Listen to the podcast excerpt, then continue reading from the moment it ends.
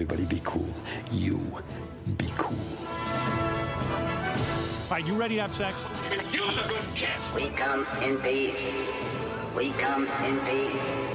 You are the motherfucking Antichrist! We're gonna let you go, okay? Ok. Film er best på radio. I'm gonna make him an offer he can't refuse. Nova Noir. Og hallo, alle sammen, og god torsdagsmorgen. Eh, Du hører nå på ditt favorittfilmprogram, Nova Noir, på din selvsagt favorittradiokanal, Radio Nova.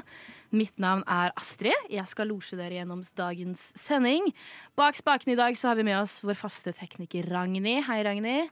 Ragnhild vinker, det er hyggelig. Jeg har også med meg vår kjære Karin. Hallo, hallo. Hei. Karin. Og vi har også med oss eh, et av våre nyeste tilskudd til redaksjonen vår, Aurora. Hei, Aurora. Hallo. Hvordan har du det i dag? Jeg har det kjempebra. Jeg er gira på å være her. Ja, så herlig. Eh, siden ingen av dere har møtt Aurora før, eller hørt Aurora, better yet, så- tenkte jeg bare å introdusere Aurora. Eh, har du lyst til å si hvor gammel du er, hva du studerer, og eh, tre ting du ikke liker å spise, Aurora? Eh, jeg, er, jeg er 22. Jeg blir faktisk 23 på lørdag. Så please, gratulerer meg med dagen. Gratulerer med dagen. Jeg studerer kunsthistorie og visuelle studier på Universitetet i Oslo. Og jeg skriver bacheloren min nå, faktisk. Uh, as we speak. Tre ting jeg ikke er så veldig glad i å spise, det er uh, pytt i panne. Alt smaker det samme. Det freaker meg ut litt. Eh, pølser skal ikke smake poteter. Eh, eh, to, jeg er ikke så veldig glad i mørk sjokolade. Hæ? Jeg synes det, jeg Det beste får, jeg vet. får vondt i huet. Eh, og det siste er eh, kake. Jeg er ikke så veldig glad i kake. Hadde du sagt liksom Det er lakris nå, så hadde jeg vært sånn Nå må jeg, nå må jeg ta Lakris meg, ta godt. meg en pustepause. Jeg liker, jeg liker lakris. Ja, bra. Kjempeglad i lakris. Karin slutter i programmet. Fordi- Er det sånn generell kake, liksom? Eh, spesielt sånn svampekake, sånn bløtkake. Og jeg hater bløtkake, ass. Ja, Fy men takk, faen. ikke sant? Det er sånn ekte bløtkake-hater-klubb, ass. Ja, men det er godt vi er litt allierte her. Det er bra. Jeg syns det er litt mye at det skal være bløtkake til alle norske festting noen gang. Altså, problemet mitt er at jeg ikke liker krem. Ja, men jeg Og Det er faktisk er bare krem. mye sykere å Ja, ikke like krem og ikke like pytt i panne, Kari. det syns jeg er veldig Jeg har ugreit ikke spist pytt i panne på sånn seks år. Ingen som spiser pytt i panne frivillig. Jeg hadde Jo. gjort det. Om jeg var fattig nok, så hadde jeg sikkert gjort det. Men Hvis du har er rester, løk- så lager du Løk, potet og pølser. ja. Digg, digg, digg. Eh, hvordan har du det i dag, Karin? Bortsett fra at du hater pytt i panne og krem. Jeg Nei, du elsker ikke- pytt Jeg elsker pytt i. Ja, det går bra. Jeg sov i kanskje seks timer i natt. Det var Yes. epic. Ellers så går det egentlig veldig bra. Kos er meg. Du satt og gama i går, hørte Altså satt Game of Hogwarts Legacy. Åh, det gjorde jeg så deilig, deilig. absolutt.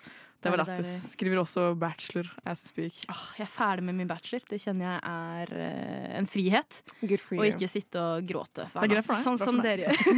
Greit for deg. Bra for deg. Greit for deg. Nei, men sola skinner i dag. Det eh, har snødd meget i løpet av natten. Eh, det syns jeg lite om. Jeg syns det er litt koselig. Nei, ikke det er i greit. februar. Det er februar fremdeles. Ja, men jeg liker ikke Mars er ikke før neste onsdag. klima, klimaendringer kan godt speede opp litt. Jeg syns det er litt meget med Det er ikke lov å si på radio. Alle sammen. Aurora, nei, Aurora. Astrid. Astrid er cancelled. Jeg er ikke cancelled ennå. Nei, Ja til klimaendring! Strike one. Not yet, ja. Ja, nei. Er dere gira for dagens sending? Jeg gleder meg kjempemasse. det her er et tema som jeg syns er veldig interessant. Ja. Mhm. Vi skal ikke røpe det helt ennå. Vi skal Nei. holde dere på vente, ventebenken. Det heter ikke det. Eh, Pinnebenken. Pinnebenken, takk. Det er kanskje litt vel brutalt å si om noe som skal være hyggelig. Men vi skal Vi tease skal det ikke snakke om noe veldig hyggelig, da. Nei, Så det er det Det blir både og. Jeg håper eh, folk er like spente som oss.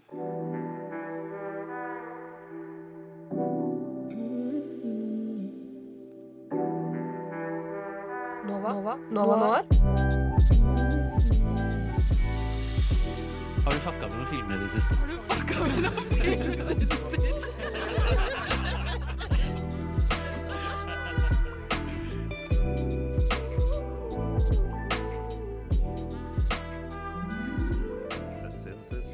Og da er vi over til vår eh, faste spalte Sett siden sist. Eh, Karin, hvilke filmer har du sett siden sist? Jeg var jo på sending for to uker siden, så jeg har liksom ikke rukket å se så veldig mye siden den tid. For det er jo fire filmer å se til hver sending, da, eller noe sånt. Men det, jeg har sett én film i det glippet mellom to uker siden og denne sendinga her, og det var filmen 'Arrival' fra er bra. 2016. Noe sånt. Eh, Det er i hvert fall med Amy Adams og Jeremy Renner, og det er Er det Denis Villeneuve som har lagd den? Det er Denis Villeneuve. det Jeg er er fortsatt usikker på hvordan man uttaler det. Uh, så han har i hvert fall regissert denne filmen her, og det handler jo egentlig bare om uh, Amy Adams, som er en lingvist som får i oppdrag, etter at jorda har blitt eh, basically okkupert av tolv romskip, å prøve å kommunisere med disse aliensene. Sammen med Jimmy Renner, som er eh, fysiker. Eh, og så prøver de å lære språket til disse aliensene. Og den er egentlig litt sånn eh, Jeg føler egentlig det er en sånn Christopher Nolan-film. Fordi den, har sånn, den spiller veldig på tid, og er filmen i kronologisk rekkefølge, eller er det ikke det? Og det skjønner du ikke før på slutten. Man blir helt sånn wow, sykt! Å, fy faen, det er så crazy! Og så bare gir hele filmen mening helt på slutten. Men Var det helt Tenet-tilstander, eller var det litt mer forståelig enn det? Jeg var mye bedre enn Tenet. Tenet er bare dritt. Synes jeg var slitsom. Så se heller Arrival. Jeg sovnet på kino da jeg så Tenet. Det er ikke lov å si, men jeg gjorde det. Jeg er helt enig, Tenet er ikke noe bra. Den var kjempekjedelig. Suger. Så Han- se heller Arrival eller Interstellar. Ja, han gravde seg for langt ned i kaninhullet sitt. Helt korrekt. Vil dere se noe fetere som sånn tid, fuck you med tiden, Arrival eller Interstellar? Jeg har aldri sett Arrival. Den må jeg kanskje få sett. Jeg er veldig glad i science fiction. Den er på Viaplay. Skytes på en frittis. Mm. Viaplay er den eneste strømmetjenesten jeg faktisk ikke har. Oi. Jeg snylte på andre folk for å få brukt den, da. Det er ikke det, men jeg eier den ikke personlig. Uh, siden sist så har jeg sett på kino Pus med støvler 2. wow. Oh my god! Og ikke bare på kino, men i de der digge setene bakerst på Odeon. De hvor du kan lene litt bakover og Ja, ha varme i rumpa og i det hele tatt. Men de har en hel sal på Odeon med bare sånne Å, setter. fy faen. Det må jo koste Hele salen sånn. Det blir for meget, men det bare var et eller annet helt fantastisk med å sitte der i eh, disse luksussetene. I en sal stappfullt med unger og foreldre. Og det er jo ikke stille i en kinosal når man ser på Pus med støvler 2. Det var mye fantastiske innspill fra barn, fordi de sier jo akkurat det de tenker. Utrolig gøy. Eh, kjempebra film. Eh, jeg var litt stressa, for jeg har aldri vært veldig mye inne i Shrek-universet. Jeg var liksom ikke en som vokste opp masse med Shrek, så jeg kjente ikke til, kjenner ikke til Pus med støvler som karakter er dritgodt. Bortsett fra liksom Brødrene Grim-eventyret, 'Katten med støvlene', liksom. Fordi jeg leste faktisk bøker da jeg var liten. Så det er Ja, Karin. Jeg har spørsmål. Er det liksom Shrek Law? Er det hele greia med filmen? Eller hva Nei, er liksom det har ingenting med Shrek å gjøre. Men jeg har heller aldri sett Pus med støvler 1, så jeg vet ikke hvordan den er. Og så var jeg litt redd for at det skulle være en oppfølger som hadde veldig mye å si for det før, men det hadde ikke det. Men den var skikkelig bra. Jeg gråt. Uh, ja, den er oppriktig bra laget. Bra animert, veldig god story. Uh, handler ganske mye om døden. Oi. En liten teaser til kanskje noe vi skal snakke om senere i dag. Og, og kan ikke røpe ennå. Aurora, hva har du sett siden sist? Jeg har sett eh, Godzilla, den fra 2014, Oh. som jeg strengt tatt har sett før. Men jeg så den på nytt igjen fordi jeg så den på kino med faren min når den kom ut. Og jeg tenkte at dette er eh, det beste jeg har sett noensinne. Eh, Så så jeg på nytt igjen nå, og den er dessverre Ikke det beste Nei. Nei, det er noe med det. Eh, Den har aged like milk. Um, jeg, når jeg hørte manuset på nytt igjen nå, så tenkte jeg bare ai, ai, ai, ai. Men visuelt sett, fy fader for en film. Altså, det er så mye kule scener, og når de hopper ned, hvis dere ikke har sett den, det er en scene hvor han ene karakteren har vært i militæret, sånn en super army, I gotta serve my duty. Og så skal han hoppe ut av et fly i en sånn sirkelformasjon med lysende sånne der, eh, nødblusser rundt Godzilla. Og det er liksom sånn type et par sekunder scene, men den er altså så slående vakker, den scenen. Jeg elsker den. Så, men manus, tja, visuelt veldig bra. Det er alltid litt vondt å se filmer man elsket før, Ja. på nytt som voksen og tenke at man skal elske dem like mye, for da finner man fort ut at de egentlig kan suge ganske kraftig. det er vondt. Ja, faen, det er sånn, altså. Det er det som er litt fordelen med Shrek, da. At den, den er sånn jeg ser det på nytt igjen nå. Jeg tenker Ja. fader, det er en bra film. De holder tidens tann. Men jeg syns det er sykt at du ikke har vokst opp med det. ja, men jeg Ja. var Hallo! I wasn't a Dreamworks kind of gal. Jeg var en Pixar kind of gal. Det er bare I'm sorry. Sånn uh, A Bug's Life, liksom. Ants, what the fuck? Toy Story. Ikke shame meg. Nei, Ants er faktisk uh, Dreamworks. Ants. Men A Bug's Life er eh, Nei, Er det det er den med de omvendt. mafiabillene som Altså, Ja, Bug's. Life er liksom med gresshoppene og den feite sommerfuglarva. Ja. Og så Ants, den der skikkelig beefy mauren som er sånn 'nå skal jeg ta over hele tua'.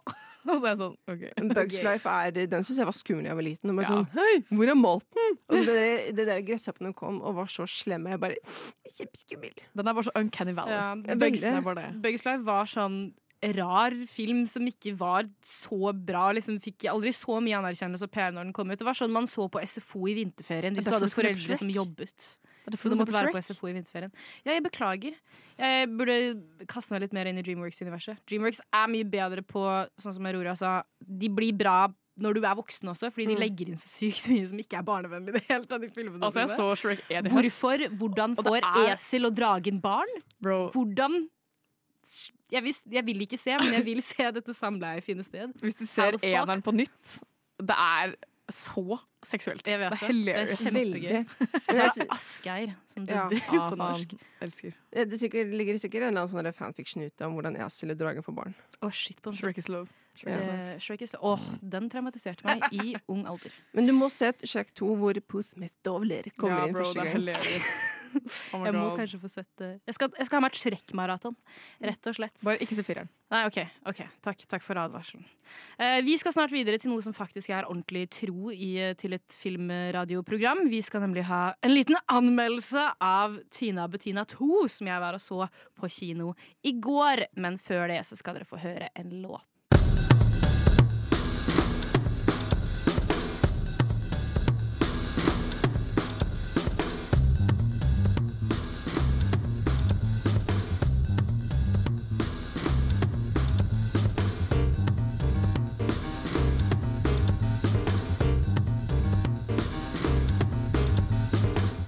Lytter til Nova Noir hver torsdag 10-12 eller på podkast når du vil.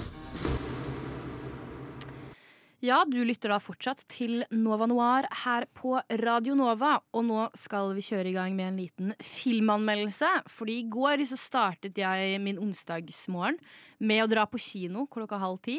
Det er jo aldri feil. Og da så jeg ingen ringere film enn Tina og Bettina 2.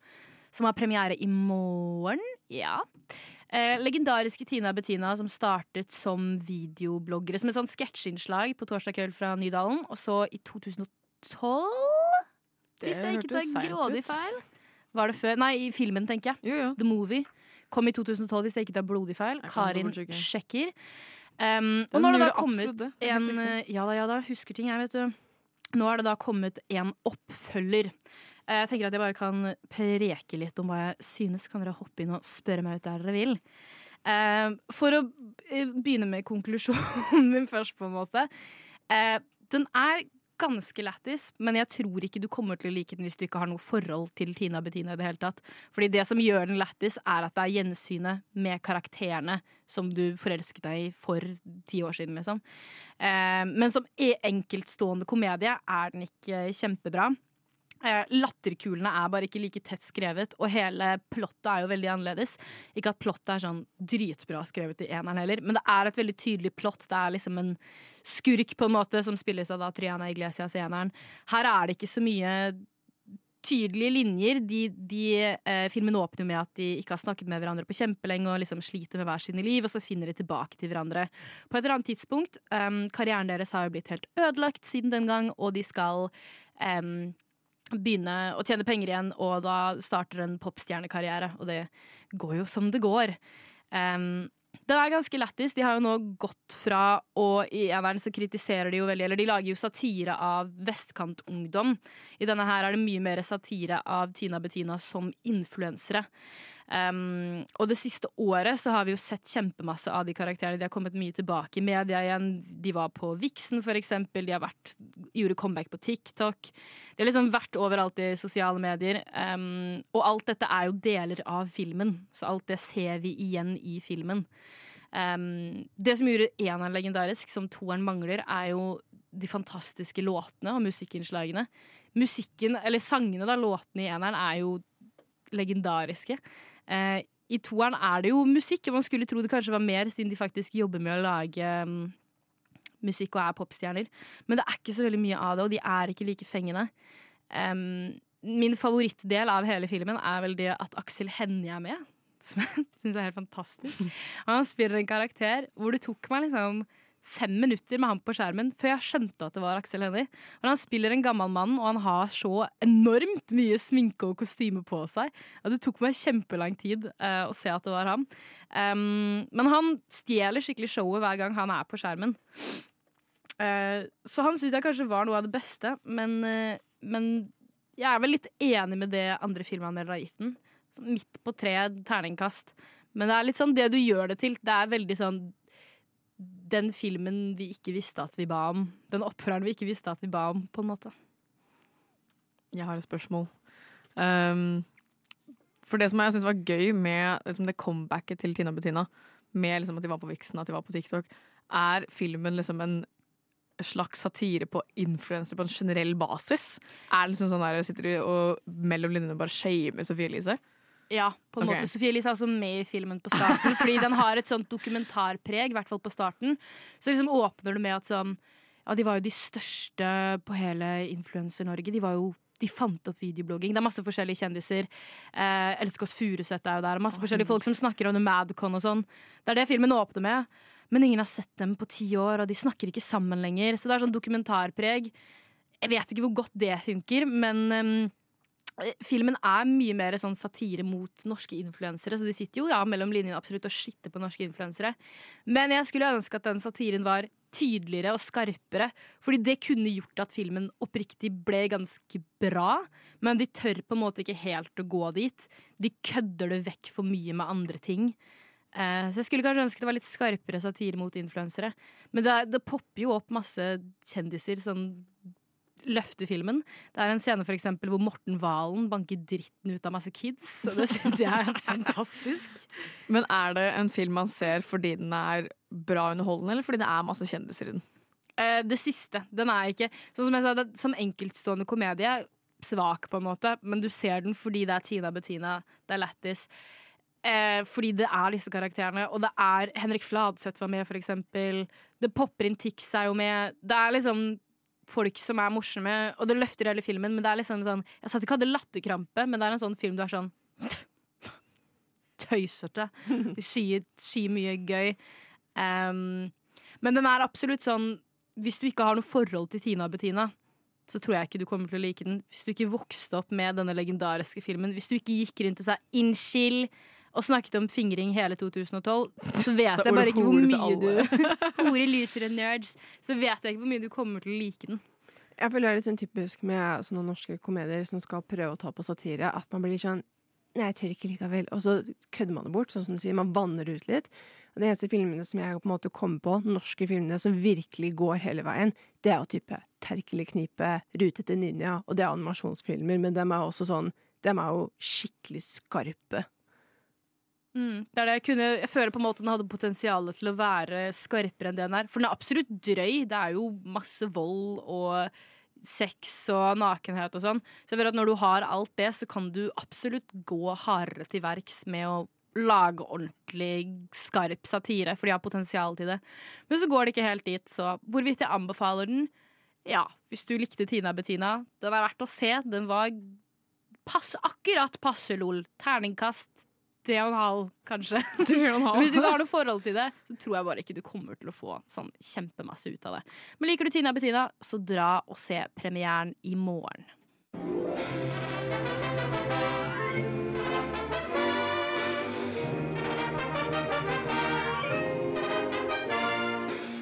Du lytter til Nova Noir hver torsdag 10-12 eller på podkast når du vil. Ja, da er det tid for å introdusere dagens tema, som vi har teaset så lenge. Jeg har gledet meg enormt til i dag, fordi vi har en liten slags spesialsending med en av mine favorittregissører of all time. Guillermo, jeg sier det garantert feil, Del Toro, som blant annet står bak eh, Pacific Rim, Crimson Peak, Hellboy, eh, Pans labyrint og drøssvis med veldig, veldig kule filmer. Eh, alltid vært veldig glad i han. Jeg hadde jo eh, innslag. Det var mitt første innslag som gjorde at jeg fikk lov til å være med på radio på ordentlig. I fjor på innslagssendingen om en av filmene vi skal snakke om i dag. Nemlig Pans eh, labyrint, som er kanskje en av mine favorittfilmer noen gang. Jeg syns den er enormt bra. Hva slags forhold har dere til Guillermo del Toro, Aurora? Eh, Jeg husker bare at det første type gåseøyne voksenfilmen jeg så på kino med faren min, det var Pacific Rim, og da var jeg sånn Det var da jeg kanskje begynte å bli skikkelig interessert i film. Eh, og det er jo lenge siden. Eh, utenom det så har jeg jo sett når Cabinet of Curiosities kom ut med Guillermo, så bincha hos den, selvfølgelig. Uten det så har jeg også sett de fleste filmene hans. Eh, Jeg så Pans labyrint første gang forrige uke, for det var da jeg fikk tak i den. Men utenom det så vært fan av Guillermo del Toro, ja. Mm. Karin. Jeg hadde jo ikke sett Pan's Labyrint før, før i går. Det var første gang jeg så den ever, og jeg benyttet av sjansen til å liksom, live-kommentere hele dritten til gruppechatten som vi brukte for å planlegge denne sendinga. Eh, jeg hadde jo sett Shape of Water fra før av, så den hadde jeg et forhold til. Eh, Pacific Rim har jeg sett før. Og uh, i mine Tumblr-dager så var jo Crimson Peak uh, Det pika jo, for å si det mildt, på Tumblr når den kom ut. Så jeg har jo egentlig sett hele filmen uten å ha sett hele filmen. Men jeg liker jo uh, Guillermo del Toro. Han er kjempesøt og nusselig, men ikke inni hodet sitt. Nei, ja, det er jo kanskje noe vi skal gå litt videre inn på. Han, uh, veldig kontrast mellom hvordan man oppfatter ham som person, og som menneske på intervjuer og sånn, og de filmene han lager. Eh, stilen hans er jo veldig sånn mørk, litt gotisk. Han er veldig glad i å um, legge inn litt krig og litt sånn i filmene sine. Mm. Eh, da jeg leste meg litt opp på han, så har jeg eh, også forstått at han hadde en ganske traumatiserende barndom. Som kanskje forklarer en del. Han er da en meksikansk regissør, eh, for de som ikke visste. Derav er Pans labyrint eksempel på spansk. Men han er jo verdens skjønneste, søteste fyr. Man blir så glad i ansiktet hans. Eh, han er nusselig, rett og slett. Det er veldig gøy i, eh, i hvert fall Cabinet of Curiosity, som vi skal snakke om etterpå, at han har en sånn uh, Twilight Zone-intro i alle episodene sine, der han som kommer fram bak fra et teppe og er sånn 'Velkommen til dagens episode. Nå skal vi snakke om det her.' Og så er han bare så hyggelig og søt og kjempesnill og virker bare som en skikkelig nice person. Men så ser du filmene hans, og så er han ikke liksom uh, sjenert over liksom, Han tar ikke kameraet vekk fra det mest groteske ever. Sånn, hvis noen blir skåret av beinet, så ser du det i minste tall. Ja, ja, ja. Og han, det er ikke sånn derre Og nå tar han vekk kameraet. Og nå tar han Nei, nei, nei. Det er der fra start til slutt, og du ser alt i detalj. Jeg tror man også må være en særdeles kreativ person for å lage skrekkfilmer. Så jeg tror på en måte så er han veldig søt, og sånn at man på en måte syns det er litt merkelig at han lager så intense og uh, unsettling filmer. Men jeg tror det har mer med at han er eksepsjonelt kreativ. Uh, tenker jeg i hvert fall, da, selv om mange av scenene er veldig type Den krysser en eller annen mental grense vi har. Uh, men, men jeg syns det egentlig gjør filmene hans bare veldig imponerende. Noe jeg også liker med han, eh, for å spinne videre på det du sa, er at han, eh, han er veldig god på den balansen mellom fantasi og virkelighet. Så du veit aldri om det han eh, portretterer i filmene sine, er der på ekte eller ei. Vi kommer til å snakke litt mer om det her under Pans labyrint. Men det er jo eh, For du får jo både bevis på at det er ekte, og det ikke er det. Og det er litt gøy å kunne liksom leke litt med det. Ja, han er veldig glad i å fortelle ting mellom linjene. Eh, og filmene hans ved første øyekast virker ofte veldig rare. Det er nesten alltid et veldig sånn eventyr-fantasy-element i det. Eh, jeg føler at Hvis du ikke er sånn som liker å plukke filmer fra hverandre og analysere ting så mye, så blir det bare kanskje veldig merkelig, men det er det som er veldig gøy med han, at han dykker veldig dypt. Han sier utrolig mye mellom linjene. Jeg er også enormt glad i estetikken hans. Dette er sikkert sånn hot take, men jeg føler Del Toro får til det jeg savner hos eksempel Tim Burton. Fordi han får til liksom det mørke og det okkulte, og så gifter han det sånn utrolig fint med e- eventyrsjangeren og liksom det som er liksom hyggelig og, og fortellingelementet i det, og nesten litt sånn barnslig til tider, med det veldig groteske. Eh, så tør han å liksom gjøre eventyr og gamle folkeeventyr og sånne ting creepy nok. For hvis du leser gamle Dette diskuterte vi før sending. Hvis du leser gamle folkeeventyr, så er det ikke koselig og lyse og trivelig og for barn i det hele tatt. Det er jo brutale saker. Og han tør virkelig å gå der, på en måte.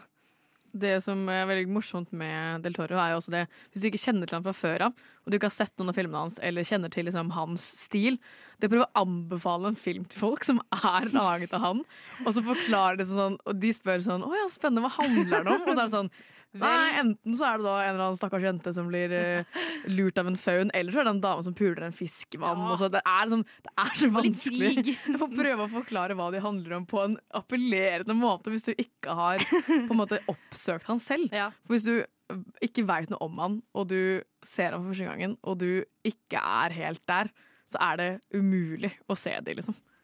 Jeg tenker det er det også som virkelig skiller eh, interessene til folk. At noen eh, altså Hvis man har på en måte en felles gruppe som ser eh, filmer til Guillermo, eh, så har du dem som reagerer litt negativt på det og trekker seg tilbake og bare sånn Ei, æsj a meg, det, det liker jeg ikke. Og så er det de som er sånn Nei, nei, nei, la oss gå forbi den der thresholden her. Hva kan vi oppleve av disse filmene? Um, og det er jo det som måte, jeg er helt enig savner fra Tim Burton, fordi han er for det første litt spesiell. Eh, litt spesiell. Ja, han er litt kresen på hvem han eh, karakteriserer. Eh, men samtidig, han er mye mer sånn type uncanny-type. Men Mm. historiene hans er på en måte ikke det samme som Germo. Germo sine er mye hva skal jeg si, saftere historier. Ja, og han Igjen dette med at han Jeg syns også Guillermo går veldig på Uncanny Valley, men han får det til så mye bedre. Eh, og det har du tatt et lite dyptykk i, hvis Det jeg ikke tar helt feil. Um, et av våre krav for at du skal få bli med på livesending, er jo når du er ny i redaksjonen, sånn som Aurora er, at du må lage et lite innslag. Jeg gleder meg veldig mye til innslaget til Aurora. Du, har da, du studerer jo kunsthistorie, Det gjør jeg. så du har dykket litt dypere i Det Eh, visuelle. ja, det visuelle hos Guillermo del Toro. Eh, Så etter denne låta så skal vi få høre Auroras innslag. Jeg gleder meg veldig mye. In a world that's powered by violence, In a world without gas. In a world where owning a radio was strictly forbidden.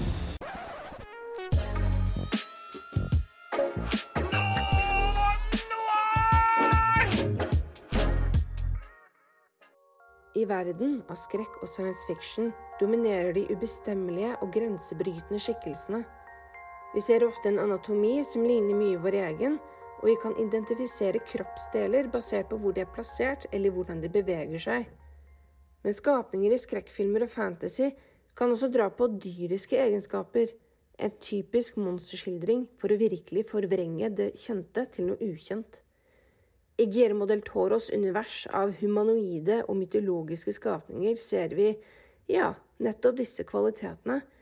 Men det er med en mesterlig kreativitet del Toro trenger bokstavelig talt inn under huden på oss filmtittere. Finn frem krittet og bli med inn i Pans labyrint. Om du har sett filmen Pans labyrint, er du nok også kjent med The Pale Man. En høy, tynn skikkelse som hovedkarakteren Ofelia møter i sitt andre oppdrag. Det er interessant hvordan denne såkalte mannen får et navn som impliserer en form for likhet med oss selv, samtidig som han er utvilsomt den mest skremmende karakteren i Del Toros film. Men hvorfor er nettopp dette monsteret en skikkelse som de fleste husker lenge etterpå? Og hvilke elementer bærer The Pale Man med seg som gjør han så fryktinngytende unik? Karakteristikken til The Pale Man bidrar til to effekter som vi kan analysere her. For det første, faktumet at han ligner på oss selv er et visuelt invaderende trekk. Vi liker ikke når ikke-menneskelige monstre eller aliens blander seg inn i vår egen anatomi. Det visker ut de grensene og kategoriene som gjør oss selv til mennesker, eller slik vi foretrekker å forestille oss dem. Spesielt intens er den effekten når den er reversert, altså karakterer slik som oss selv, som får en ugjenkjennelig og forvridd anatomi. Denne frykten er ikke så langt unna den samme fobien vi har for parasitter og infeksjoner. Følelsen av å miste kontroll og kjennskap til sin egen kropp ligger viseralt i oss. Det er noe vi unngår etter beste evne. Spesielt ikonisk med The Pale Man er den unaturlige overfloden av hud som faller i poser og folder. Hud er i seg selv et konsept som strider mot kategorisering. Det er både noe internt og eksternt. Hud er grensesnittet mellom verden og oss selv. En ting som likevel kan sies for sikkert med hud, er at det er noe veldig intimt. Dette er derimot skrekkfilmregissører svært klar over, og de nøler ikke med å utnytte dette. The Pale Man trigger en skrekkfølelse i oss fordi huden avslører det skikkelsen ikke eksplisitt forteller. Blek og tynn hud assosieres gjerne med sykdom, som gir The Pale Man en slags smittefaktor. I kontrast til den enorme mengden hud er han svært tynn. Dette gjør at konturene der hvor skjelettet synes gjennom huden, understreker en sykelighet til karakteren. I ansiktet har skikkelsen to store hull som ligner nesebor. Dette gir et inntrykk om en dominerende luktesans, et trekk som kanskje symboliserer grådighet. For det andre viser The Pale Man svært lite, om overhodet ingen, tegn på verken empati eller noen evne til kommunikasjon.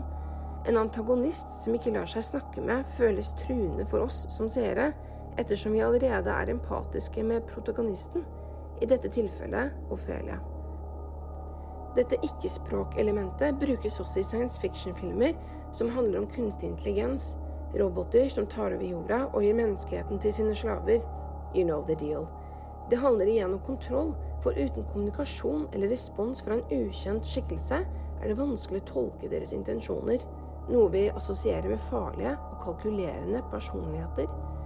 I tillegg har The Pale Man plassert øynene i håndflatene, som om han løfter opp til ansiktet for å se på det samme nivået som vi gjør. En ikonisk detalj, og denne blindheten kan kanskje tolkes som en parallell til ignoranse. Altså, den humanoide fysikken, som en hensynsløs og tilsynelatende tankeløs vold, gjør The Pale Man et perfekt monster som vi sent glemmer, men samtidig verdsetter i en eventyrlig skrekkfantasi så gjenkjennelig fra Guillermo del Toro.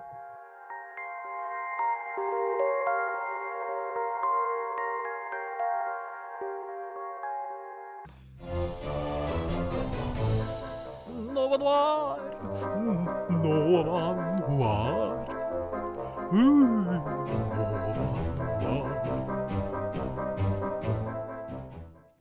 Yes, og da skal vi snakke om vår første eh, Guillermo del Toro-film. Jeg fikk kjeft i stad, for jeg sa Guillermo, ikke Guillermo. Nå sa jeg det riktig, håper jeg. Vi skal selvsagt snakke om Pans labyrint i tråd med Auroras fantastiske innslag. Tusen takk. Vær så god. Pans labyrint kom i 2006. Og det er da, sånn som vi nevnte i stad, en spansk-meksikansk fantasyfilm. Um, som handler da om eh, jenta Ofelia, litt usikker på hvor gammel hun er, men la oss åtte-ni kanskje, um, som må flytte eller bo ute på landet fordi det er borgerkrig i Spania, så hun drar dit med sin mor. Hennes far er død, uh, og de bor da med um, den spanske fascist Nå husker jeg ikke, det er sikkert et historienavn. Jeg, jeg måtte google det, er ikke fascister, men det Er er, den spanske trivlig. versjonen Ok. av fascisme. Ja, litt fascisttendenser. Ja. De, de bor med de slemme, da, i hvert fall. Eh, hvis du tenker på det fra et De vant jo krigen, Ja, faktisk. faen, altså. Uansett. Um, må flytte dit med kapteinen, um, som uh, Ofelias mor vil at hun skal kalle far. Det backer ikke Ofelia.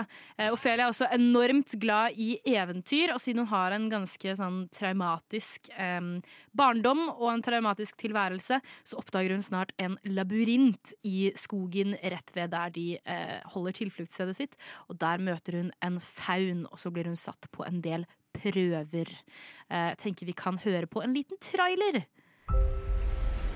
Cuentos de hadas. Ya eres muy mayor para llenarte la cabeza con tantas zarandajas.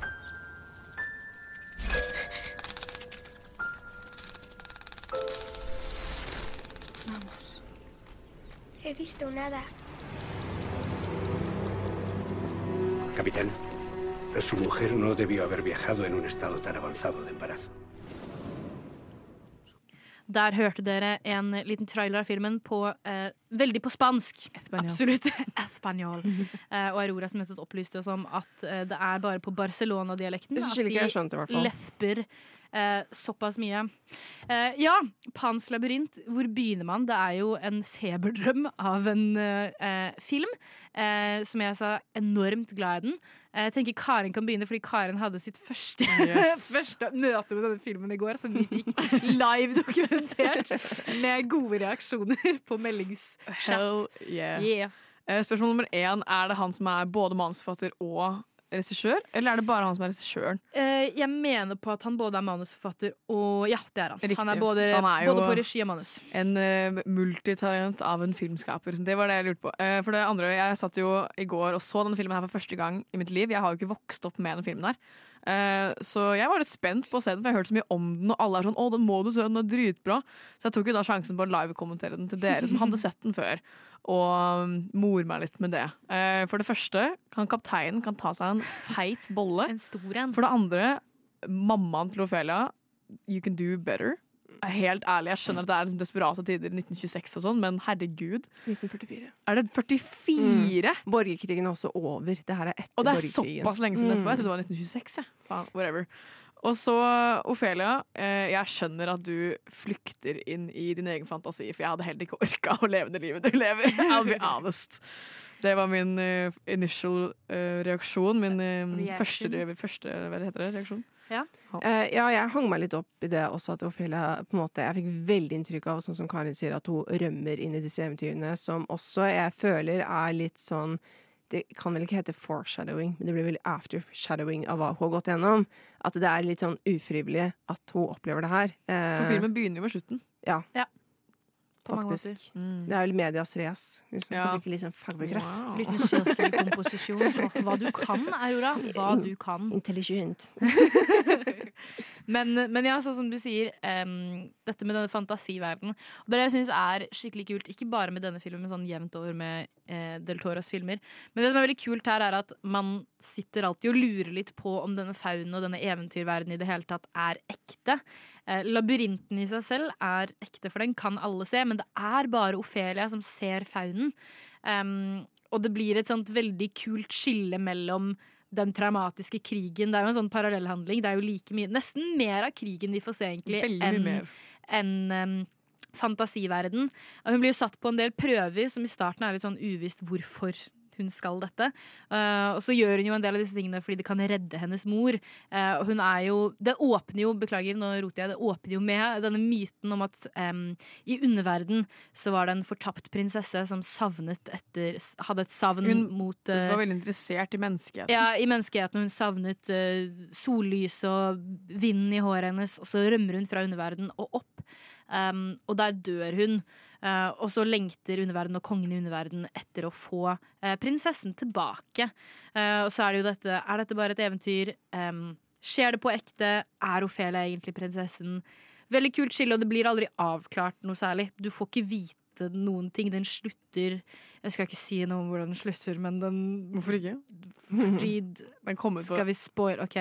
Hun dør! Hun Spoiler alert. Hun dør.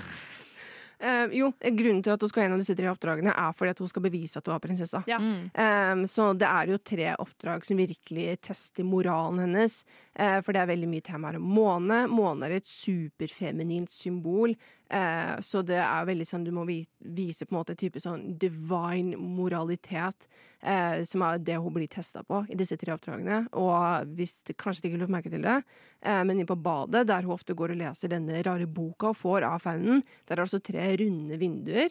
Som jeg kan tenke er sånn kanskje Ofelia, lillebror, mamma, eller mamma, pappa, Ofelia. Også når hun Mercedes, som er en hjelper på denne gården som den flytter til med kapteinen, hun går ut med en lykt for å lete etter Ofelia etter det første oppdraget, og der er det to måneder på lykta. Det er jo veldig fascinerende det der med Er det ekte, eller er det eh, fantasien til Ofelia? Fordi det er jo veldig mange ting som, er, som alle kan se, som den uh, allrunderota som hun legger under senga. For moren til Ofelia har jo giftet seg med kapteinen fordi hun er ensom, hun har et barn aleine, hun trenger selskap. Og har blitt gravid da med sønnen til kapteinen. Og hun har en veldig trøblete eh, graviditet og mister jo nesten det barnet flere ganger. Og så får da Ophelia hjelp fra denne fauden eh, med eh, en allrunderot som hun skal legge i melk i en bolle under senga til moren sin. Med litt blod og fòre den to dråper blod hver dag. Og den kan jo alle se. Den finner jo kapteinen og plukker opp og holder i hånda. Eh, men fauden er det bare Ophelia som kan se. Og så er det jo da boka. Boka kan jo alle se, men hun kan bare se tegningene. Så, er det, sånn, så det er veldig mange du kan, ting du kan, alle kan se, som da kan argumentere for at da er det ekte. Men det er også så mange ting som kun Ophelia ser. Og den sluttscenen er så uh, For hun blir jo skutt av Mm. kapteinen rett før, foran inngangen til liksom, trappa ned til underverden.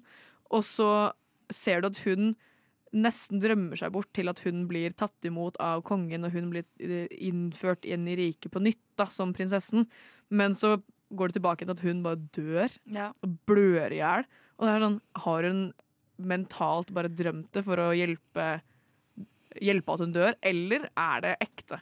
Og at kroppen hennes må forlate den, den dødelige verden, og hun Ja. trer inn i den udødelige Jeg skjønner, det, sånn, det kan man jo Ja, det er veldig kult. tenke. Og jeg vil ikke overanalysere den, for jeg tror man kan ødelegge litt ting ved å plukke alt for mye fra hverandre.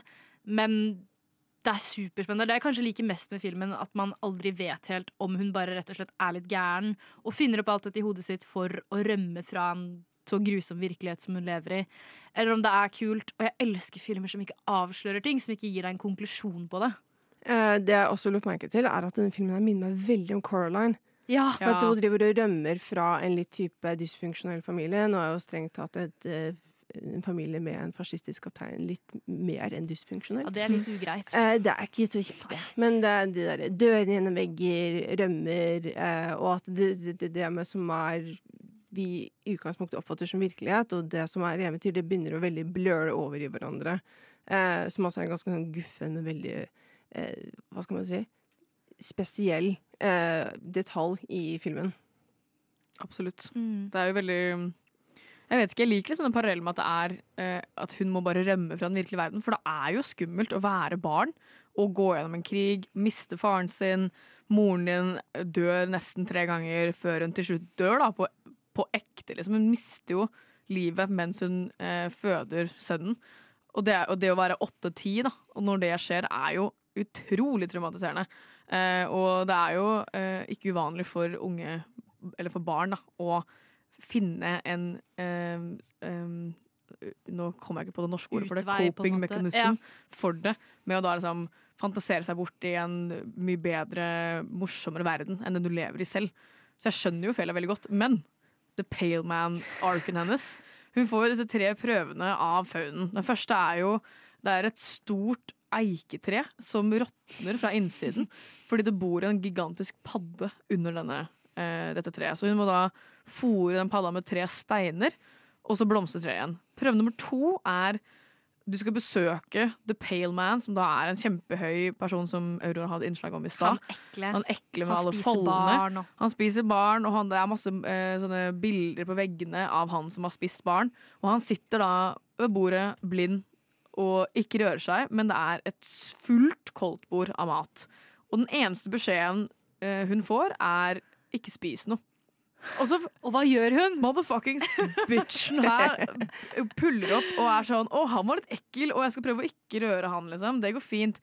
Og så går hun forbi bordet med liksom en hel kalkun, det er liksom masse grønnsaker, det er dessert, det er kake, bla, bla, bla. bla, bla.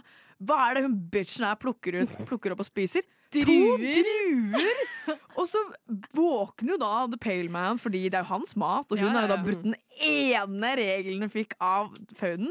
Og hun er bare sånn 'Å, jeg mente ikke, men det var jo bare to druer'. Bitch, du fikk én beskjed! Og så blir to av eh, de magiske feene som hun har med som sånne hjelpere på Ja, de hvert oppdrag, spist i den mest brutale måten noensinne. Blir bare revet hodet av. Men som du nevnte i stad, Karin, eh, dette med den, hvor realistisk det er at eh, et barn ville flyktet inn i en sånn verden. Det er det jeg syns Denne filmen er kanskje den mest Del Toro-filmen av Den er mest ham på kornet. Eh, og jeg bare syns det er så interessant fordi han eh, forteller veldig grusomme virkeligheter i historien sin. Og det er også noe eksempel Pinocchio, som vi skal snakke om senere, går veldig inn på.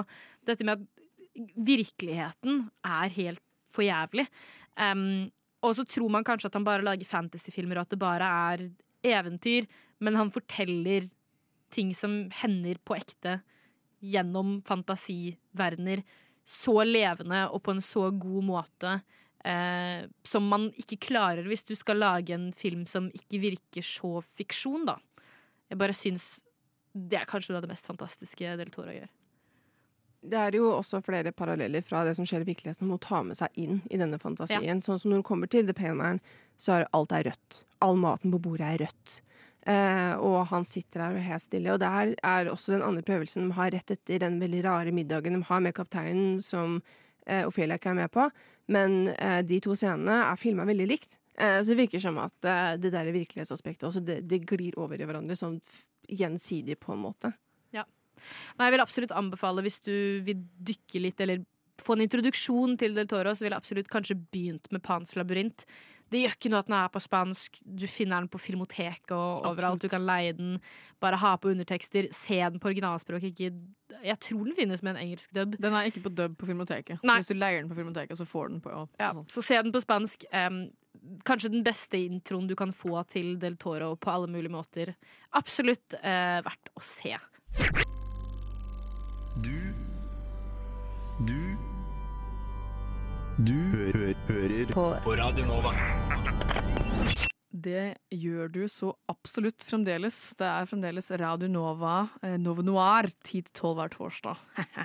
Vi er nå videre på vår eh, andre film for dagen, og det er da eh, Guillermo del Toros nyeste film, nemlig animasjonsfilmen Pinocchio. Og den er jo basert på boka Pinocchio, og det er også samme storyen som Disney lagde for 100 år siden. Pinocchio. Same, same story. Filmen handler uansett om eh, faren Geppetto som mister sin sønn Carlo i en eh, bombing i sin lille by Italia. For det er jo også krig i Italia. Ja, krig. Apropos borgerkrig, her er det en til. Eh, så han mister da sønnen sin ganske brått, og er jo alene med sønnen sin, og elsker sønnen sin overalt på jord, og blir plutselig helt alene. Så han blir jo da en ganske kjip, ensom mann eh, som begynner å drikke. Og en kveld så ønsker han seg sønnen sin tilbake igjen, og i sinne lager han av tre. Og denne tredukken får jo da navnet Pinocchio, og får eh, velsignelsen liv av en engel. Det Ja, blir vel det, en slags en engel. Og så våkner Pinocchio til liv, er ganske forvirra over å leve, og det er jo åpenbart Geppetto også. Han er bare sånn 'Å nei, djevel, jeg vil ikke ha det her'. Og må da prøve å takle å ha Pinocchio i livet sitt. I want to tell you a story. It's a story you may think you know, but you don't. A story.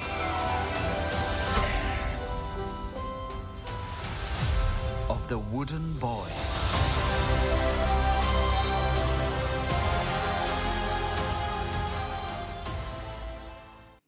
Yes. Nå jeg, lurer jeg veldig fælt på hva dere syns om den filmen her. Astrid. Jeg, jeg elsker den kanskje å ta i veldig hardt, men jo, jo, nei, jeg står for det. Jeg står for det. Jeg må stå i det. Jeg syns den er kjempebra. Uh, aldri vært veldig fan av Disney-versjonen av Pinocchio. Litt kjedelig. Uh, og apropos det vi nevnte i stad, så dette er jo et gammelt uh, italiensk folkeeventyr, egentlig. Som er mørkt og fullt av død og grusomheter og krig og det som verre er.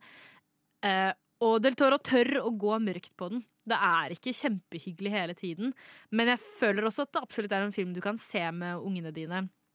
Og, eh, og de kan synes den er bra, men du ser noe helt annet i den når du er voksen. Og han tør å legge ekstra vekt på dette aspektet med døden. Um, Pinocchio får jo da velsignelsen liv, sånn som Karin nevnte, av en type sånn erkeengel. Ja. Det er Ja. det hun er, en sånn spirit. Og det som er greia med Pinocchio, er at han har fått velsignelsen liv, men fordi han er en tregutt, så er han ikke en ekte gutt. Uh, og ekte gutter de dør. Men ikke ekte gutter, de kan ikke dø. Så det som skjer er at Pinocchio dør jo mange ganger i denne filmen. I forskjellige ulykker og så videre. Eh, og det som skjer når han dør, er at han eh, kommer til et sånt dødsrike. Eh, hvor det sitter noen fete gutter og spiller litt kort og Kaniner? koser seg. Kaniner er de vel. og så snur erkeengelen et timeglass. Og så må han bare chille litt i dødsriket til det timeglasset er rent ut, og da kan han komme tilbake til den dødelige verden, eller jorda, da, om du vil. Um, og i starten så er han litt sånn forvirret av dette. Og så syns han vel egentlig det er ganske digg å ikke kunne dø.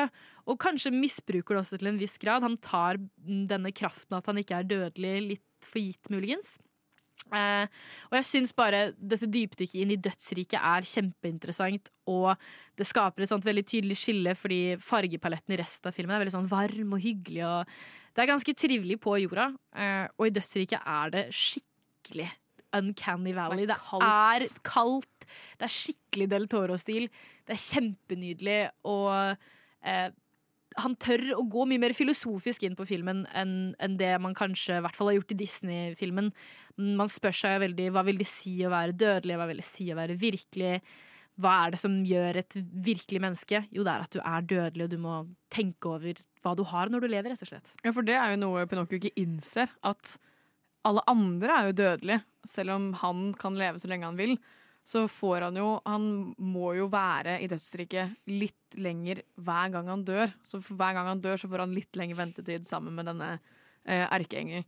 Og så sier jo hun For han er sånn Å, det er litt chiller'n å ikke kunne dø, da. Det er kjempefett, liksom. Og så sier hun Har du egentlig tenkt over hva det er å være udødelig? Eh, for selv om du eh, lever evig, så gjør jo ikke alle rundt deg det. Eh, og en dag så vil jo Geppetto dø. En dag så vil jo eh, Nå husker jeg ikke hva den eh, gresshoppa heter. Ja, Timmy Gresshoppe, det er vel Ja, egentlig det han, eh, er. Samvittigheten til Pinocchio. Ja, på en måte. Og så en, en dag så er jo han aleine. Og det skjønner jo ikke Pinocchio før ganske langt ut i filmen.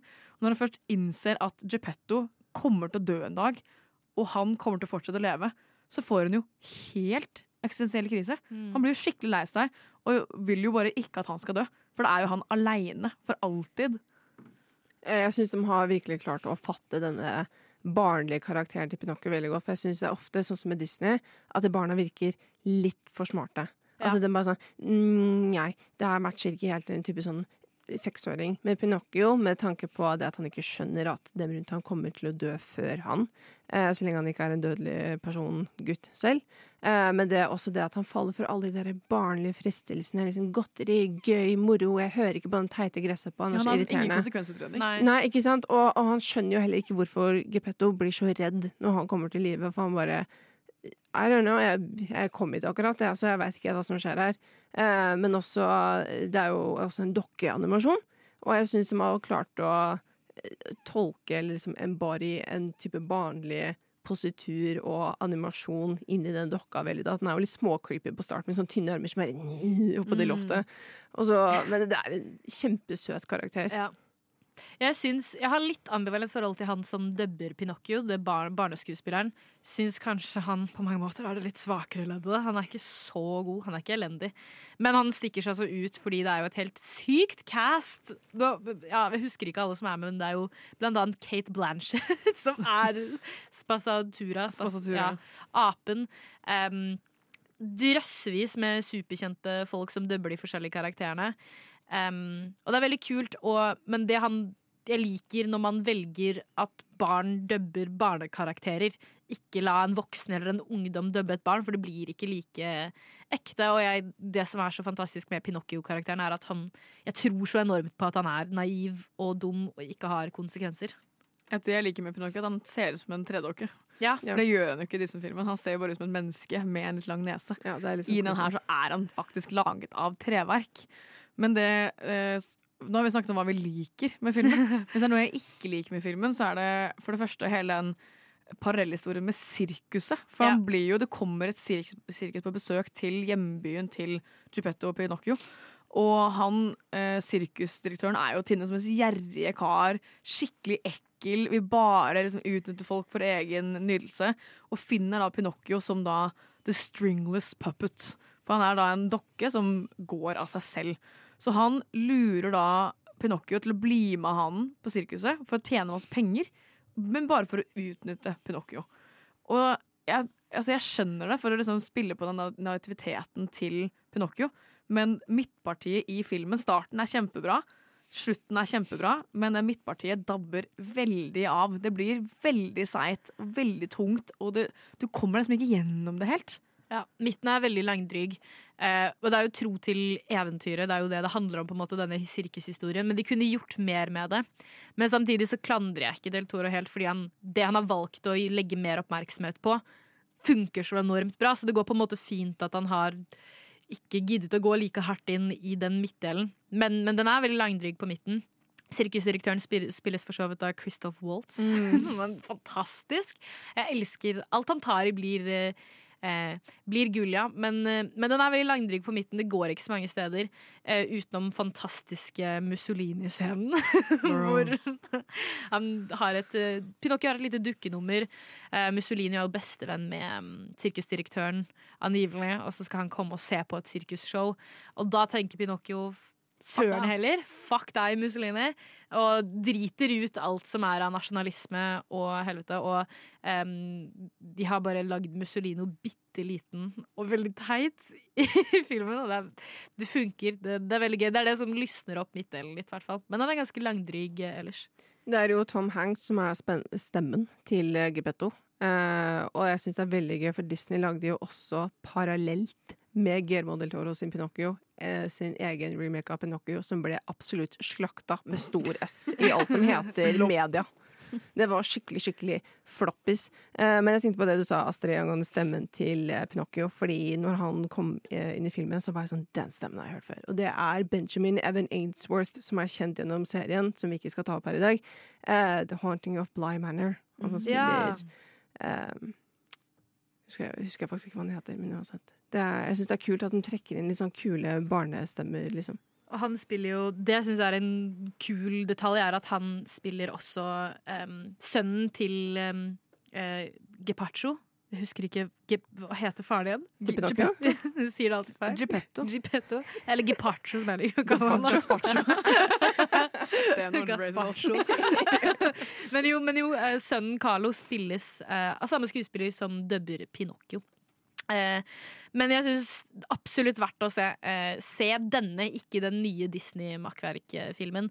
Eh, absolutt den beste versjonen av Pinocchio-eventyret som er kommet ut. Utrolig bra animasjon. Jeg gråt to ganger, som bare det. Jeg snakket jo om det i dag morges, at jeg skulle se slutten kjapt igjen før sending. Mens jeg sminket meg. Det var dumt. Måtte begynne helt på nytt, for jeg gråt jo vekk alt jeg hadde lagt. Men, men hvis du ikke sminker deg, se Pinocchio og gråt til du dør. Du lytter til Nova Når. All right, all right. Vi er over på vår tredje film for dagens sending, og det er ingen ringere enn The Shape of Water, som kom ut i 2017. Shape of Water handler om da Eliza, som er en eh, stum renholderske på en eh, rakettbase. Det er vel det det er. Eller en sånn forskningsbase for verdensrommet. Som eh, lever et eh, lite liv i isolasjon, basically. For hun har jo ikke så veldig mange å snakke med, for hun må jo da kommunisere via tegnspråk. Eliza er da venn med eh, sin kollega Selda, som hun snakker med og tilbringer tiden sin med. Og en dag så får Selda og Eliza et oppdrag om å vaske et laboratorium der forskerne driver med et litt hemmelig eksperiment. She deaf? Mute, sir. She can hear you. You clean that lab, you get out. This may very well be the most sensitive asset ever to be housed in this facility. You may think that thing looks human. Stands on two legs, right? But we're created in the Lord's image. You don't think that's what the Lord looks like, do you? All right. Spennende, spennende. Hva tenker vi, Aurora?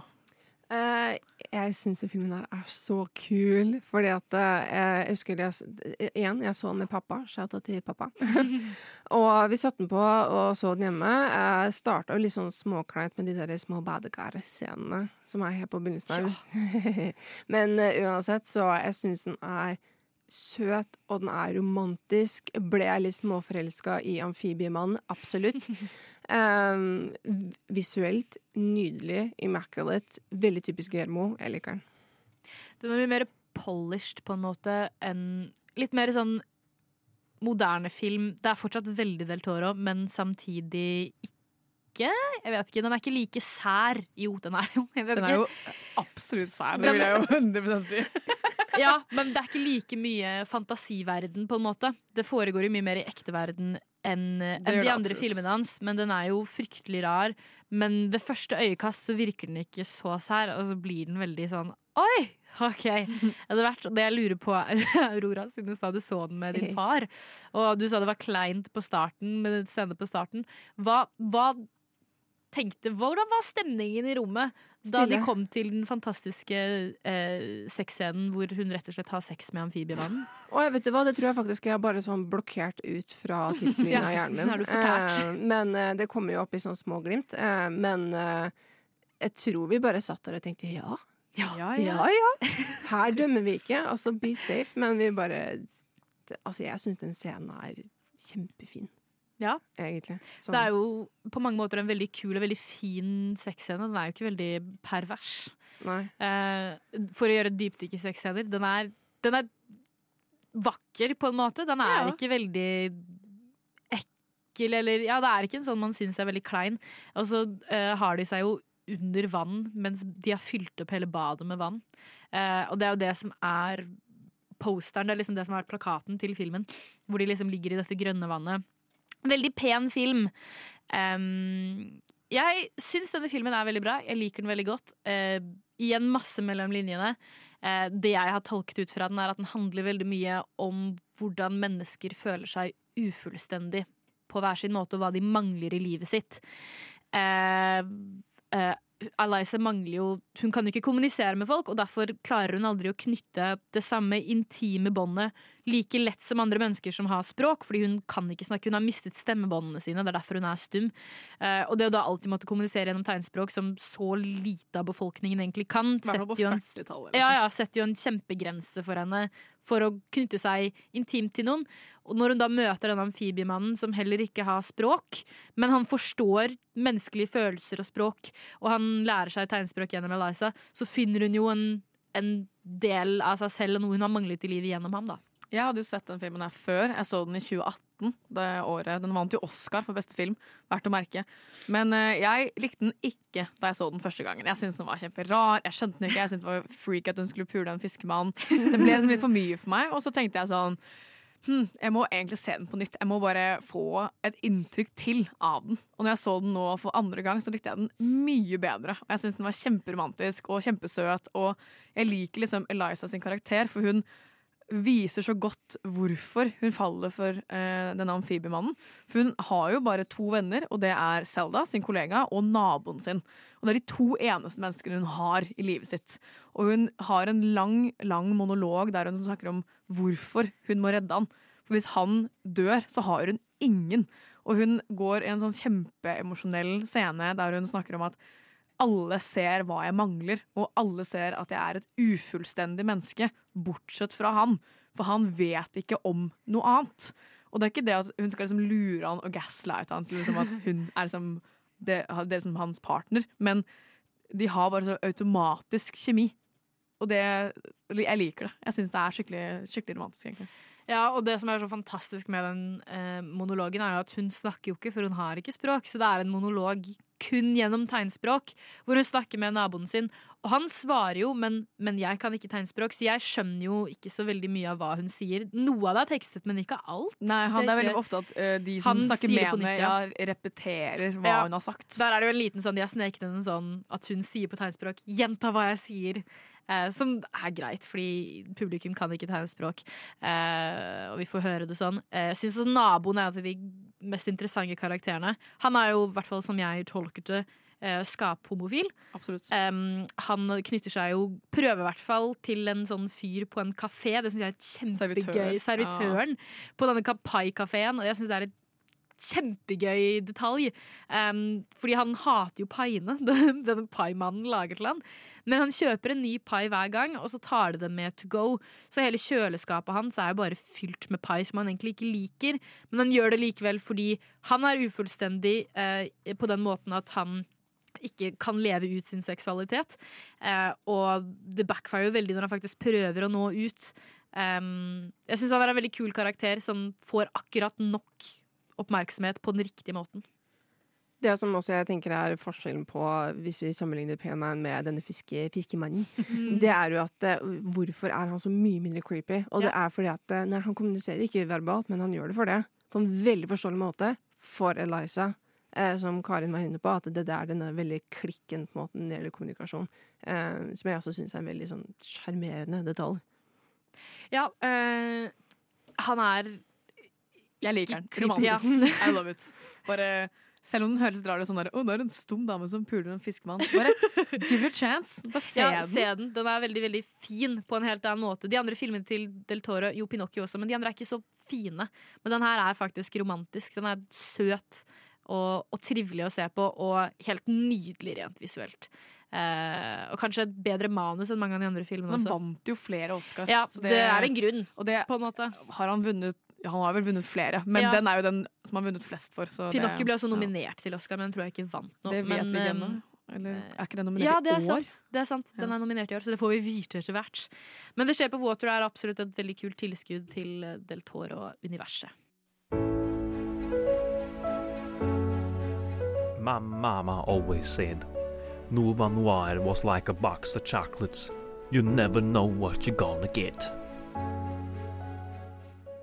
Nei, you never know what you're gonna get. Og det samme gjelder jo litt den nye serien til Guillermo, Cabinet of Curiosities. Vi har sett eh, episoden Graveyard Rats. Den skal vi ta for oss her.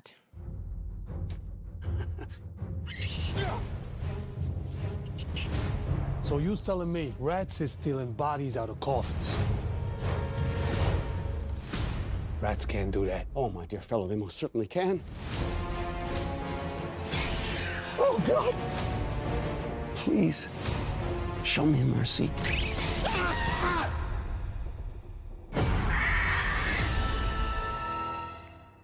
Ja, er du klaustrofobisk og ikke så veldig glad i det som kalles gnagere, så tror jeg ikke det her er serie for deg. Eh, Det her er et prosjekt fra Guillermo del Toro som samarbeider med en rekke forskjellige regissører, som er veldig kult.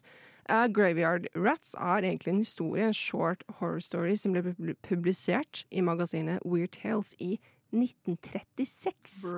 Så det er lenge siden. Um, og det er Henry Cutner som har denne historien, uh, men regissøren av episoden det er Vincenzo Nathalie. Jeg syns den her var superkul på alle de mest horrible måter. Hva syns du, Astrid? Eh, mm, eh, mm, jeg er veldig glad i Cabinet of Veldig glad i Cabinet of Curiosities, men er det lov å si at jeg blir litt skuffet på de episodene jeg har sett, fordi eh, hele atmosfæren rundt serien er så sykt kul og så sykt Del Toro. Og det er jo et sånt segment eh, Introen på en måte til hver episode er bare søte lille Del Toro. som har et sånt stort, ja, kall et cabinet eller et slags skap i tre. Eh, og så hver episode så åpner han et eller annet eh, sånn liten gjemt luke eller en liten dør og liksom finner et eller annet lite objekt inni dette skapet som har noe med episoden å gjøre. Eh, og det bare bygger sykt mye forventninger og spenninger. Det er så godt gjennomført. Og så syns jeg liksom episodene er av litt varierende kvalitet. Jeg har vel sett to eller tre av dem nå. Um, men det er liksom basert på sånne små short stories og horror stories. Jeg skjønner at det ikke går like mye inn i dybden på en film. Eh, Jeg syns ikke denne episoden er sånn dritskummel, som jeg kanskje hadde håpet den skulle være. Jeg liker skumle ting. Men eh, jeg har jo kraftig klaustrofobi, så jeg, jeg satt jo eh, med liksom laptopen min sånn, Jeg turte ikke å ha den helt oppe på slutten. Jeg hadde den litt sånn halvveis igjen. Jeg var sånn, nei, vil ikke ned. Altså, Episoden handler jo kort om da en eh, Han er vel en sånn eh, groundskeeper av en gravplass, denne hovedrollen, som da har Oi, en rolig ambulanse der i bakgrunnen. Beklager det. Eh, som eier da, eller har da ansvaret for denne gravplassen. Og eh, bruker da jobben sin til å rane graver og få med seg smykker og eiendeler og alt han kan få tak i, og selger det videre for å tjene penger. Og så havner han jo i en ganske dyp gjeld til de han selger disse smykkene til, og får da beskjed om at hvis du ikke gir oss x antall smykker eller noe som er av verdi, så skjer det noe alvorlig ille med deg. Dreper Og han er jo da så desperat at han, eh, han får jo da en eh, kjemperik Jeg tror han er baron eller hertug eller Ja, noe noe adel som da skal bli begravd mer som det dyreste han har eid i livet sitt. Og han er sånn wow, å, sjansen er her, jeg skal rane graven her. Men han har også fått beskjed om at rottene på gravplassen hans kidnapper alle disse likene før han rekker å komme til likene. Og så graver han den graven da, til denne hertugen eller hva han er, og ser han bare bli dratt ut av kista av rottene. Han er sånn nei, det skjer på ekte, jeg må følge etter dem. Og graver seg da ned i rottetunnelene under gravplassen. Jeg syns jo han eh, karakteren, hovedpersonen, er veldig interessant fordi han er Jeg, et, jeg er veldig glad i filmer og bøker og alt mulig hvor hovedpersonen vår eh, er antog antagonisten. Klarer aldri å si det ordet. Takk. Skurken. The bad guy. For han er jo en skikkelig drittfyr. Han er helt forferdelig. Han er helt grusom, og han tenker jo bare på seg selv. Og det jeg syns er kult med han, er at det går jo så langt, denne grådigheten og ønsket etter å liksom bare eie masse rikdom, at han på en måte strider mot alle sånne menneskelige overlevelsesprinsipper. Han graver seg ned i disse rottetunnelene. Og det er jo ikke bare Det er jo mange lag. Det er jo Først kommer han liksom ned i rottetunnelene, som er dritcreepy og ekle og trange og æsj. Og så detter han enda dypere ned i eh, dette, Det går det jo aldri så mye inn på, men noe sånn dødsrike opplegg hvor det kommer en sånn zombie-ting. og Altså, for det er Det er der jeg detter av. For jeg syns den hadde potensialet lenge, og så kommer han da ned i tunnelene og dypere dypere ned til han kommer til da For det er en sånn black church, det er en gammel heksekirke som er da blitt begravd under gravplassen. For det er inspirert av da do, eh, hekseprosessene i Salem. Det er derfor den kirka, eller den zombien, er der. da. Eh, så han havner da dypt, dypt, dypt under jorda inn i denne kirka og ser et stigert smykke. Og sånn den jævla tullingen som han er, den jævla grådig helvetes jævelen, så er han sånn wow, det var fint, altså, det skal jeg ta. Så henger det rundt liksom liket til noen som ikke ser døde ut. Enn egentlig, egentlig. De, de ser jo fortsatt en halvveis respektabelt levende ut, på en måte.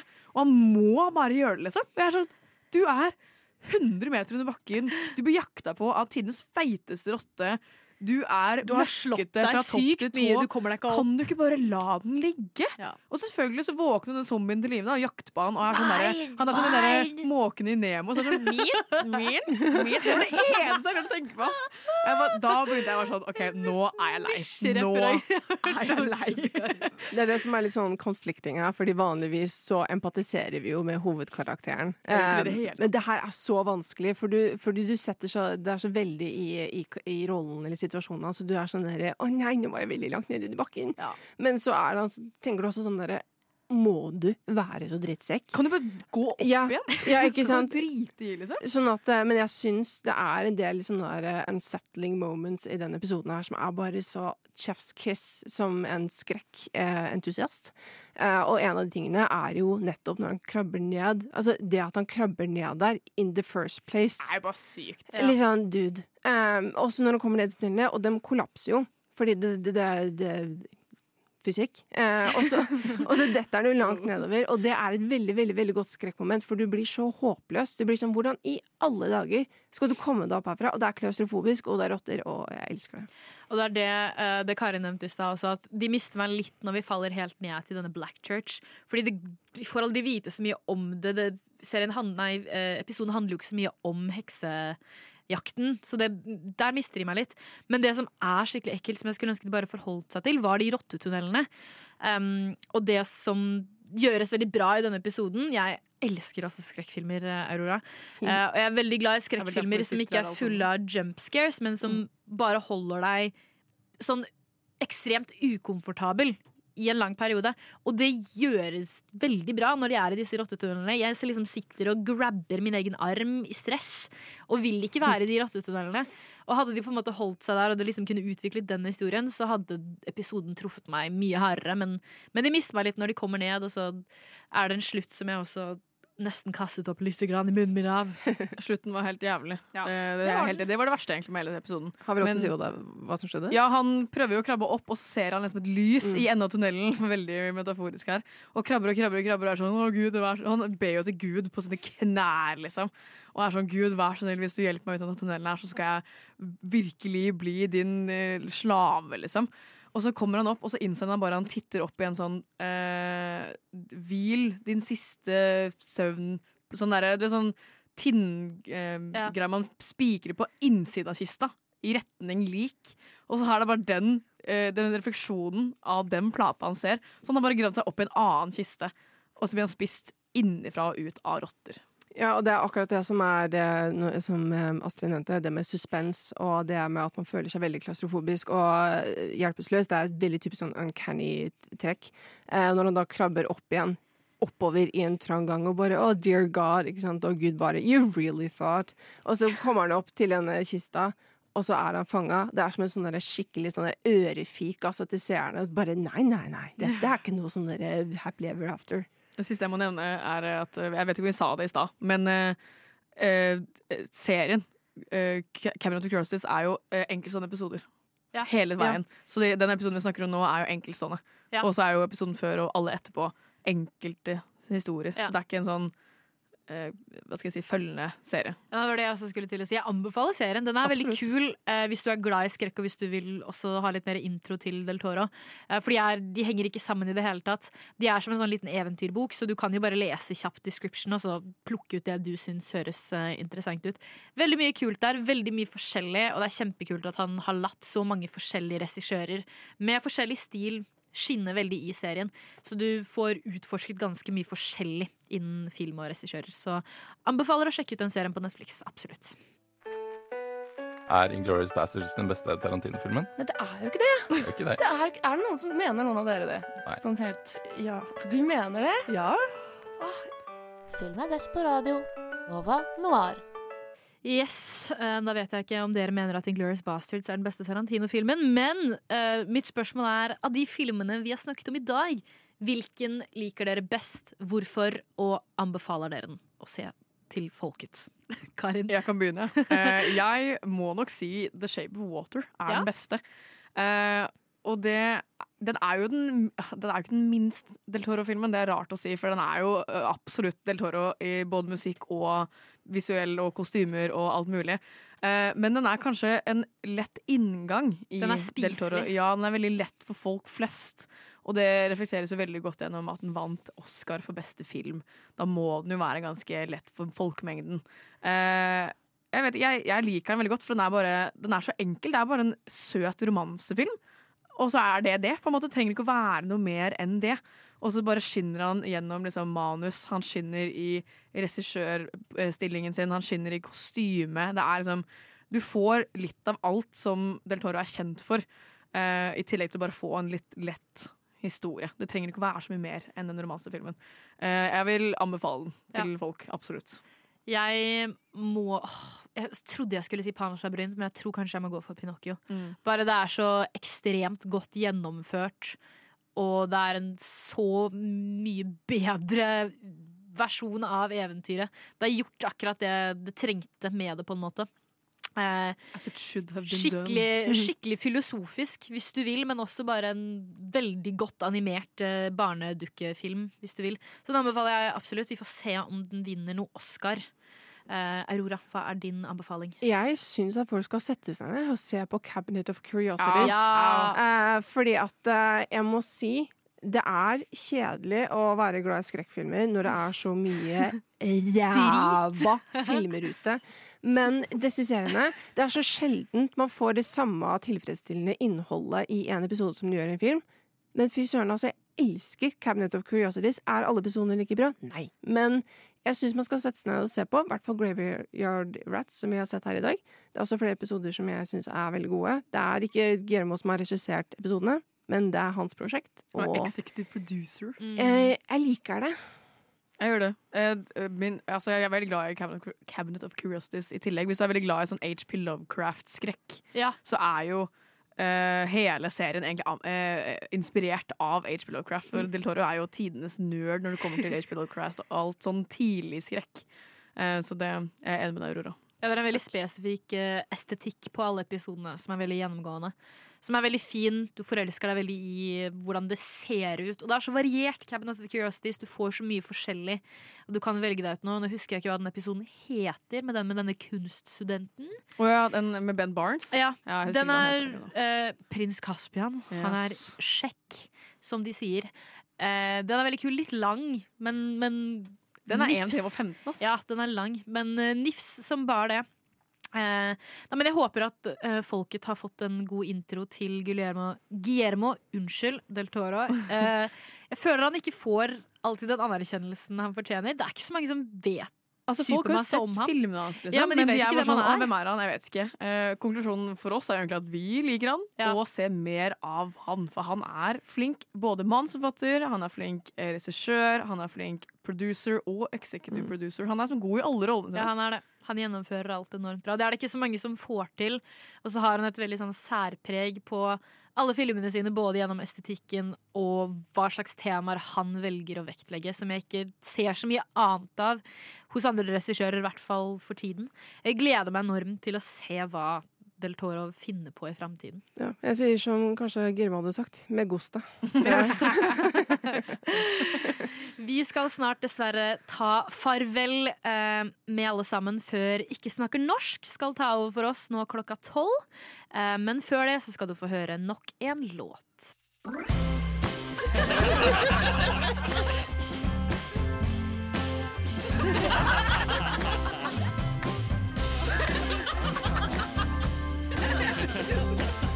hører på Nova Noir hver torsdag 10 til 12. Hver torsdag 10 til 12. Ja, hvis du vil ha det like lol som det vi hadde det da vi spilte inn den fantastiske latterjinglen til Karin der, så syns jeg du skal fortsette å høre på eh, Radio Nova. Snart kommer Ikke snakker norsk. Og i hvert fall hør på oss neste torsdag, for da blir det et samarbeid med Cinema Nøff, som også holder til her på Chateau Neuf. Korrekt. Yes. Nova Noir er dessverre over eh, for denne gangen. Eh, jeg koser meg enormt i dag, jenter. Fantastiske, fantastiske diskusjoner vi har hatt. Elsker filmene. Karin, har du kost deg? Ja. Ja. Jeg synes det var veldig gøy. Vi planla egentlig å ha en sending her for sånn en måned siden. Ja, så ble og vi venta, venta, venta, venta, og endelig i dag har vi fått hatt sendingen. Og det har også vært veldig hyggelig å ha med Aurora for første Ja! gang. Hvordan har det vært å være på lufta for your first time? It has been very fun, yes. Uh, det har vært kjempekoselig å sitte her. Føler meg veldig trygg in your presence. Åh, uh, hyggelig. Jeg håper dere også som har hørt på, syns at jeg ikke er fullstendig ubrukelig. Talentløs. Så bare- Da får vi masse delskål helvete hun Aurora. Så så hvis dere har hørt fram til nå, tusen takk. Eh, men ja, det har vært kjempekoselig i dag. Og jeg syns det er veldig gøy å snakke om liksom sånne der ekle SMI-filmer på en sånn måte hvor man trekker masse forskjellige aspekter og sånt. Det gir en ny verdi. Ja, absolutt. Nei, eh, sjekk ut Guillermo del Toro. Der fikk jeg et lite slag. Guillermo del Toro. Absolutt. Se på alt han har laget. Les deg opp på søte mannen vår. Utrolig, utrolig koselig. Hvis du vil høre mer til oss, så hør på Nova Noir hver torsdag 10 til 12. Da gjenstår det egentlig bare for oss å si farvel. Farvel og ha det Ja. bra. Ha det bra! Ha det bra.